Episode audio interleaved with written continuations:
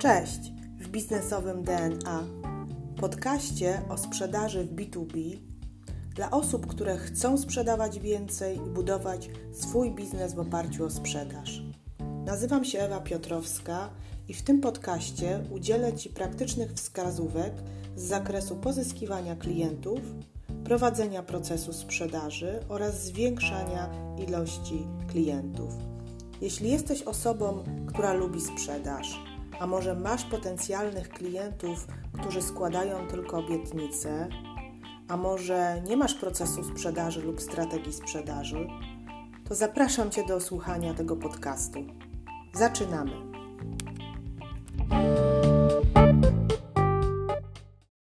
Cześć, witajcie kochani w najnowszym odcinku mojego podcastu Sprzedaż B2B w praktyce. Dzisiaj y, chciałabym Wam troszeczkę więcej opowiedzieć o tym, jak budować dział sprzedaży w małej firmie, a właściwie ostatnio y, pracuję z kilkoma przedsiębiorcami, małych, y, małymi przedsiębiorcami, którzy budują swoje firmy, rozwijają firmy w różnych branżach, w szczególności w branżach B2B i zastanawiają się, czy budować dział handlowy, czy zatrudniać handlowca, czy może e, innymi źródłami pozyskiwać potencjalnych klientów. I e, bardzo jestem zdziwiona, że tak długo zastanawiamy się nad tym, czy zatrudnić kolejnego pracownika do naszego zespołu. Więc dzisiejszy odcinek będzie dedykowany bardziej przedsiębiorcom, ale też handlowcom, którzy prowadzą swoje zespoły, bo będę Wam mówiła, y, jak, co się dzieje, jeśli nie rozwijamy tego zespołu i dlaczego powinniśmy zatrudniać i rozwijać y, właśnie poprzez zatrudnianie kolejnych osób. Ale w szczególności jest to taki cykl dla przedsiębiorców, ponieważ, tak jak mówiłam, pracuję przedsiębiorcami, więc jeśli jesteś firmą, małą firmą, i chcesz rozwinąć y, swoją sprzedaż, swój dział sprzedaży, to zapraszam Ciebie do kontaktu ze mną, ponieważ ostatnio więcej właśnie pracuję z przedsiębiorcami, dlatego też mnie nie było. Ale już jestem, będą na pewno zmiany w moim podcaście Sprzedaż B2B w praktyce dlatego że będę chciała Wam jeszcze czytać książki. Y, dostaję od Was mnóstwo wiadomości na temat, na temat tego, co czytam, co polecam, więc postanowiłam, że nie będę robiła recenzji książek, tylko po prostu będę Wam czytała tutaj jakiś rozdział danej książki i omawiała własnymi słowami moją interpretację tą książki, tej książki. Więc to będzie jedna taka rzecz, którą chcę wprowadzić. Napiszcie, czy Wam się to podoba. I druga rzecz, którą chcę wprowadzić, to jest więcej właśnie tematów dla przedsiębiorców, dla firm, dla właścicieli firm, więc też zachęcam do słuchania tego podcastu nie tylko sprzedawców, dyrektorów sprzedaży, ale też właścicieli firm, bo myślę, że dużo będę miała teraz do powiedzenia z racji na moje doświadczenia współpracy z małymi firmami. A przypomnę dla wszystkich, którzy dzisiaj zaczęli słuchać ten podcast, że na co dzień pracuję mm, w firmie, e, zatrudniona jestem w firmie, w której układamy procesy biznesowe, sprzedajemy usługi biznesowe na stanowisku dyrektor sprzedaży zajmuję się sprzedażą, rozwojem e, produktów i usług. Mamy sześć linii produktowych, rozwijam, wprowadzam produkty na rynek, zarządzam zespołem i pozyskuję klientów w tej chwili. Poza tym właśnie prowadzę e, swój projekt e, biznesowe DNA www.biznesowedna.com.pl na którym możesz przejrzeć artykuły, posłuchać podcasty o tematyce związanej ze sprzedażą, z rozwojem firmy. Dzisiaj taki przydługi wstęp z racji tego, że, że mnie nie było troszeczkę i chciałabym e, Was tutaj wprowadzić, ale już zaczynamy tą e, właśnie część merytoryczną. Więc przechodzimy do, do meritum. E, kim jest właściciel? Zazwyczaj właściciel małej firmy, zaznaczam małej firmy, Według mnie to jest zazwyczaj osoba, która właśnie jest osobą bardzo merytoryczną. E, zazwyczaj jest to osoba, która umie programować, jest mechanikiem, jest serwisantem, jest marketingowcem, w zależności od tego, w czym się specjalizuje. Dlatego, że ta osoba zakłada firmę w momencie, kiedy potrafi coś robić, jest w czymś specjalistą, bardzo dobrym fachowcem i na tej podstawie pozyskuje swojego pierwszego klienta.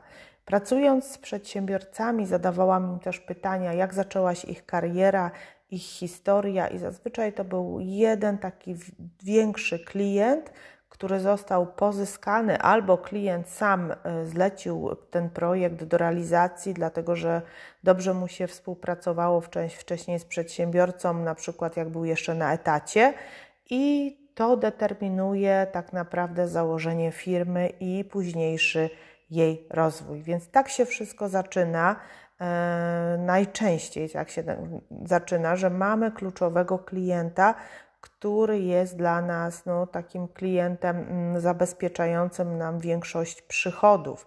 Zazwyczaj e, taki, mm, taki klient nam generować może nawet 50, 60, 70% przychodów. I wtedy się bardzo, bardzo mocno na nim koncentrujemy. Zakładamy firmę, mamy finansowanie, mamy pieniądze na rozwój tej firmy właśnie e, z przychodów, które generujemy na podstawie zleceń od naszego klienta. Natomiast zgodnie z zasadami biznesowymi, każda firma działa na kilku nogach. Co to znaczy? To znaczy, że e, każda firma powinna mieć w swoim portfelu kilku, kilkunastu klientów aktywnych, w zależności od tego, jaką oczywiście usługę świadczysz i jak to y, wszystko wygląda. Ja tutaj podaję przykład, ja tutaj mówię o firmach B2B, czyli sprzedaż business to business.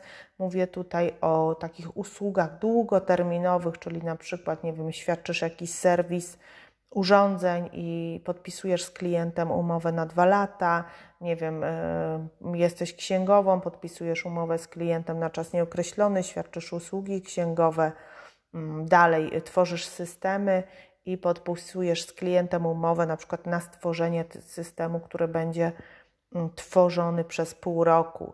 Czyli jest to umowa długofalowa i masz dłużej tego klienta, i to, i, i to jest bardzo, bardzo istotne. E, przypomnę tylko, że naszych klientów w ogóle w nomenklaturze dzielimy na potencjalnych klientów, czyli takich, z którymi chcemy współpracować, aktywnych, czyli obecnych klientów i klientów odchodzących. Zdarza się y, w każdej firmie, że klienci odchodzą z firmy. No właśnie, i albo kończy się projekt i tego klienta już nie ma, albo po prostu klient odchodzi, bo po prostu yy, tak zdecydował. Dlatego zawsze my musimy pozyskiwać klientów, pozyskujemy nowych klientów, zawsze prowadzimy akcje marketingowe i promocyjne po to, żeby, żeby stać właśnie tak jak powiedziałam na kilku nowakach. I właściciel, chcąc rozwijać firmę, e, chcąc rozwijać firmę, powinien mm, no, rosnąć przede wszystkim, tak? Bo rozwój firmy powoduje, że będziesz miał więcej firm, e, pracowników, rozrastasz się, masz więcej zleceń i sam właściciel oczywiście zna swoją firmę i się z tym spotykam. Jak rozmawiam z właścicielami, no to to są osoby, które znają bardzo dobrze swoją firmę i, po, i opierają właśnie swoje działania w części na sprzedaży, w dużej części na sprzedaży, ponieważ no po prostu tworzyli tą firmę, wiedzą, e, znają wszystkie prezentacje i samodzielnie angażują się właśnie w sprzedaż.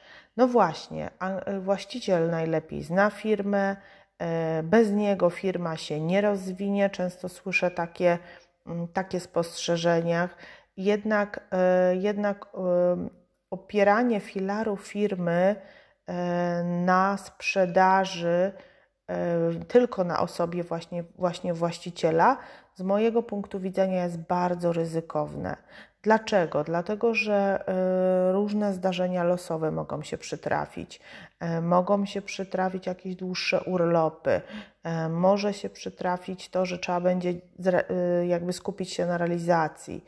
I, i w tym momencie właściciel E, tak naprawdę zaniedba tą sprzedaż, nie będzie mógł realizować tego działania i no nie będzie mógł pozyskiwać nowych klientów i ta działalność może być zagrożona.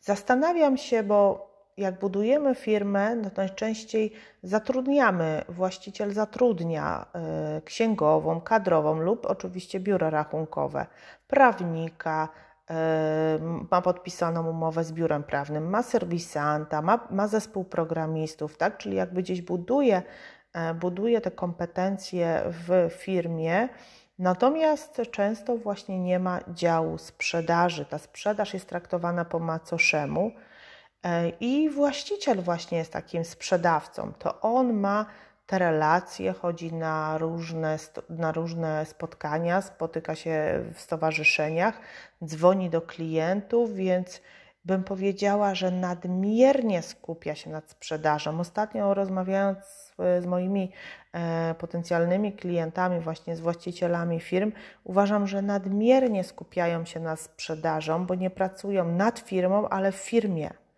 I zawsze w firmie są jakieś potrzeby, i zawsze w firmie będzie ten właściciel zajęty.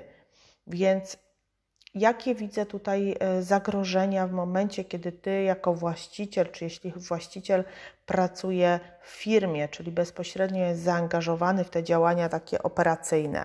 Po pierwsze, właściciel w tym samym czasie nie może pracować nad strategią firmy, nie może E, zastanowić się, nie wiem, pojechać nawet na urlop, pojechać gdzieś do innego miasta i zastanowić się nad tym, jak wprowadzić nowe produkty, jakie e, wprowadzić usprawnienia w tej firmie, mm, jakie nowe w ogóle jakby działania e, wdrożyć w firmie, może jaką grupę nową docelową, ponieważ jest ograniczony i, ta, e, i ta, te ograniczenia to są właśnie działania bezpośrednie nad klientem.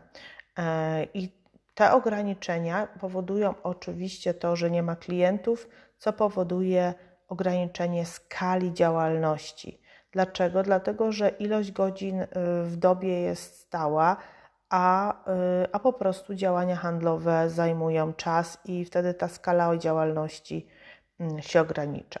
Kolejnym ryzykiem, które tutaj jakby widzę, to przede wszystkim właściciel e, wie wszystko na temat firmy i wychodzi z takiego założenia, co może być naprawdę ciężkie dla współpracowników, dlatego że często wchodzi bardzo głęboko w tą e, dziedzinę sprzedażową i nie wyobraża sobie, żeby ktoś inny mógł się tym zająć. Nikt inny niż właściciel nie będzie lepiej się znał na, tej sprzedaży. Często słyszę takie e, takie określenie, że jednak no, ja znam się na moich produktach, ja wiem, jak co mogę klientowi zaproponować, ja wiem, jaki mogę dać rabat, ja wiem, który klient jest strategiczny. No, wszystko, wszystko znajduje się w głowie właściciela i, e, i, i to powoduje tak naprawdę ograniczenie e, to, tej działalności. Ja oczywiście wiem, że sprzedaż jest ważna, dlatego że zaraz będziemy, przejdziemy do tego, jak wprowadzić sprzedaż do małej firmy. Kolejna rzecz, y, często się spotykam z sytuacjami, że właściciel uważa, że jego firma jest specyficzna, czyli to już jest w nawiązaniu do poprzedniego punktu, to znaczy tak mocno mam działalność specyficzną. Tacy jesteśmy, e, jesteśmy specyficzni i inni niż, niż rynek, że no, nikt nie będzie w stanie tak naprawdę nauczyć się i, e, i wykonać tej pracy, co no oczywiście, że jest nieprawdą e, i tylko musimy chcieć przekazać tą wiedzę, o czym też zaraz, zaraz powiem.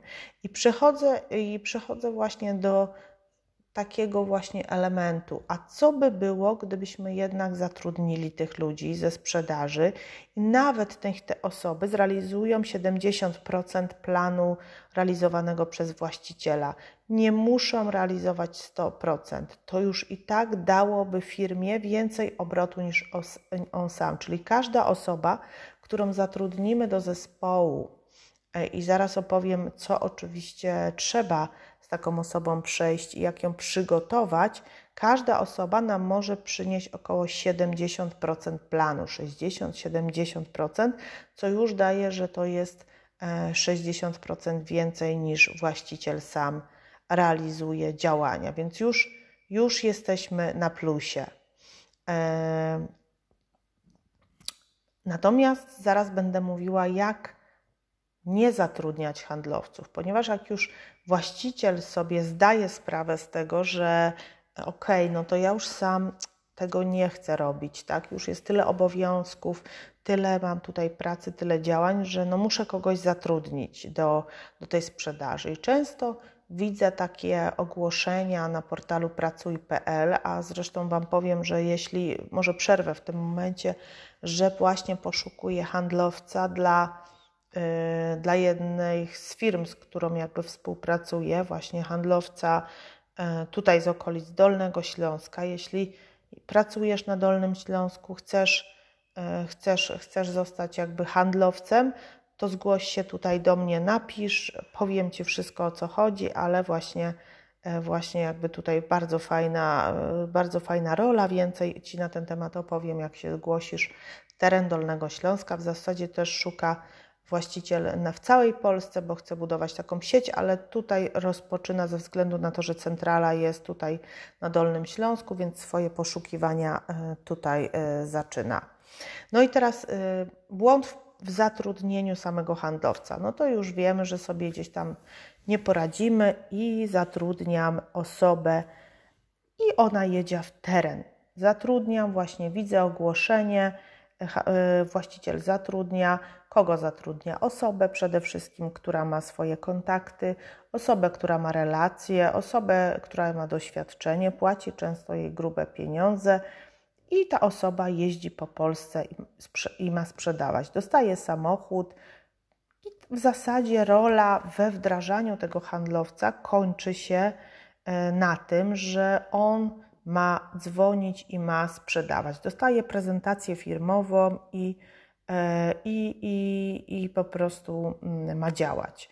Chyba się zgodzicie ze mną, że no jak na te czasy to jest zdecydowanie za mało, natomiast jeszcze dalej to się dzieje, dlatego że profesjonalne e, zbudowanie sprzedaży jest czasochłonne. Ja sobie zdaję z tego sprawę. Jest pracochłonne i, e, i, i nie każdy chce to robić, ale wielokrotnie już się przekonałam, że przychodzą handlowcy do firmy i ci handlowcy sami nie wiedzą, co mają robić, coś robią, mają jakieś kontakty, ale te kontakty często się spotyka, że one są, e, że one są niezgodne ze strategią firmy, bo mogę mieć e, kontakt do firmy produkcyjnej, ale firma, moja firma sprzedaje do firmy, do branży medycznej. No i teraz jak ja mogę ten kontakt użyć? Mogę mieć kontakt do dyrektora administracyjnego, a moja nowa firma sprzedaje do dyrektora produkcji albo do właściciela. Więc znowu ten kontakt nie jest, nie jest taki, o jaki byś, by wszystkim tutaj nam y, chodziło. Więc y, samo zatrudnienie handlowca i samo, samo, samo jakby y, powiedzenie mu, że masz sprzedawać, nie o to chodzi, nie daje to nam efektu. Więc y, przygotowując film, teraz przejdę do najważniejszego, przygotowując plan rozwoju małej firmy, opisałam kilka elementów, od których należy zacząć, zanim się zatrudni handlowca. I o tym też mówię w moich konsultacjach. Po pierwsze, cel. Najważniejszy jest, zaczynamy zawsze od celu, czyli od wyznaczenia sobie celu sprzedażowego, jaki chcemy, żeby ten dział zrealizował. Oczywiście cel powinien być smart, powinien być realny, mierzalny i możliwy do wykonania, i pod ten cel dobieramy działania, które, e, które powinniśmy wykonać. czyli kolejno opisujemy. Ja tworzę taką e, sales book, to jest taką książkę, taki narzędziownik dla handlowca, w którym opisujemy mu, opisuję mu tak naprawdę wszystko, w jaki sposób on ma pozyskać klientów w naszej firmie, w jaki sposób. I to powinno powstać i powstaje, e, powstaje co, się, co się w, takim, mm, w takiej książce znajduje. Przede wszystkim e, znajduje się cała strategia sprzedaży, czyli tak naprawdę jaka, jaki jest segment naszego rynku, czyli na jakim rynku działamy, w jakiej branży, kto jest naszym klientem.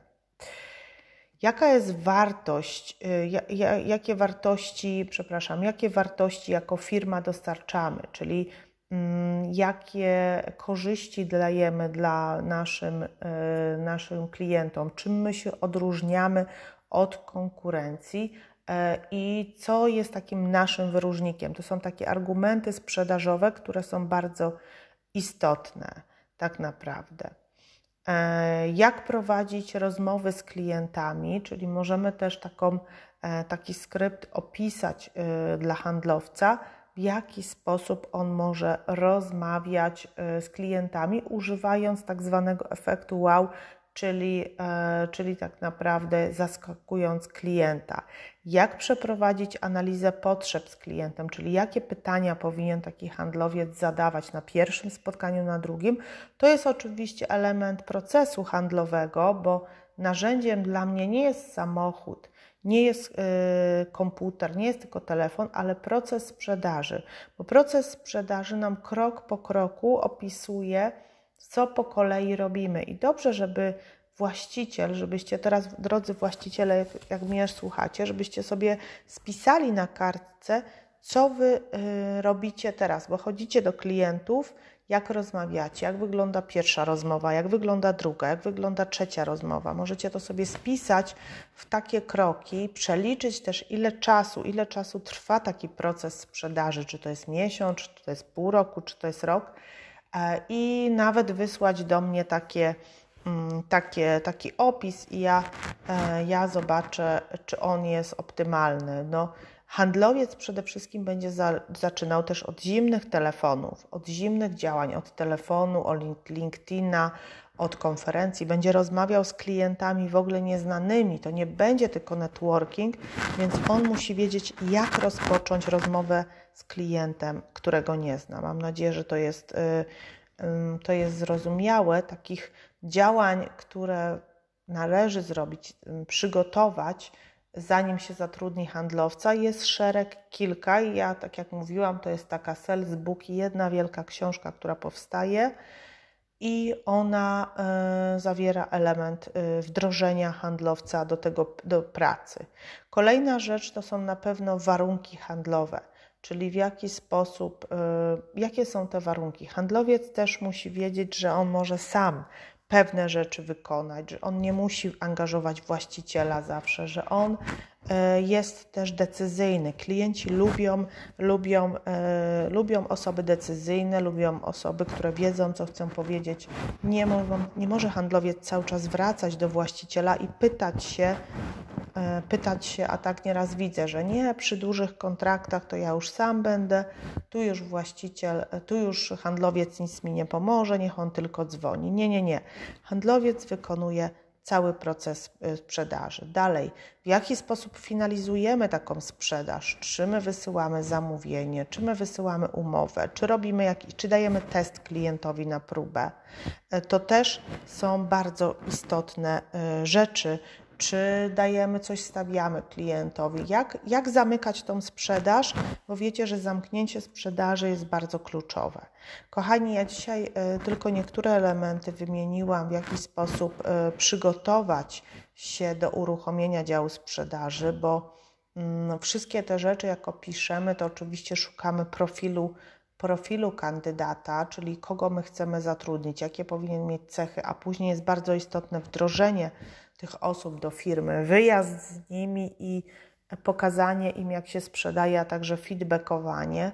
Więc jeśli jesteś właścicielem, się chcesz coś dowiedzieć, to jeszcze to jeszcze po prostu zrobię, zrobię drugi, drugiego takiego, drugi, drugi nagram odcinek, na którym podczas którego, podczas którego opowiem więcej na ten temat.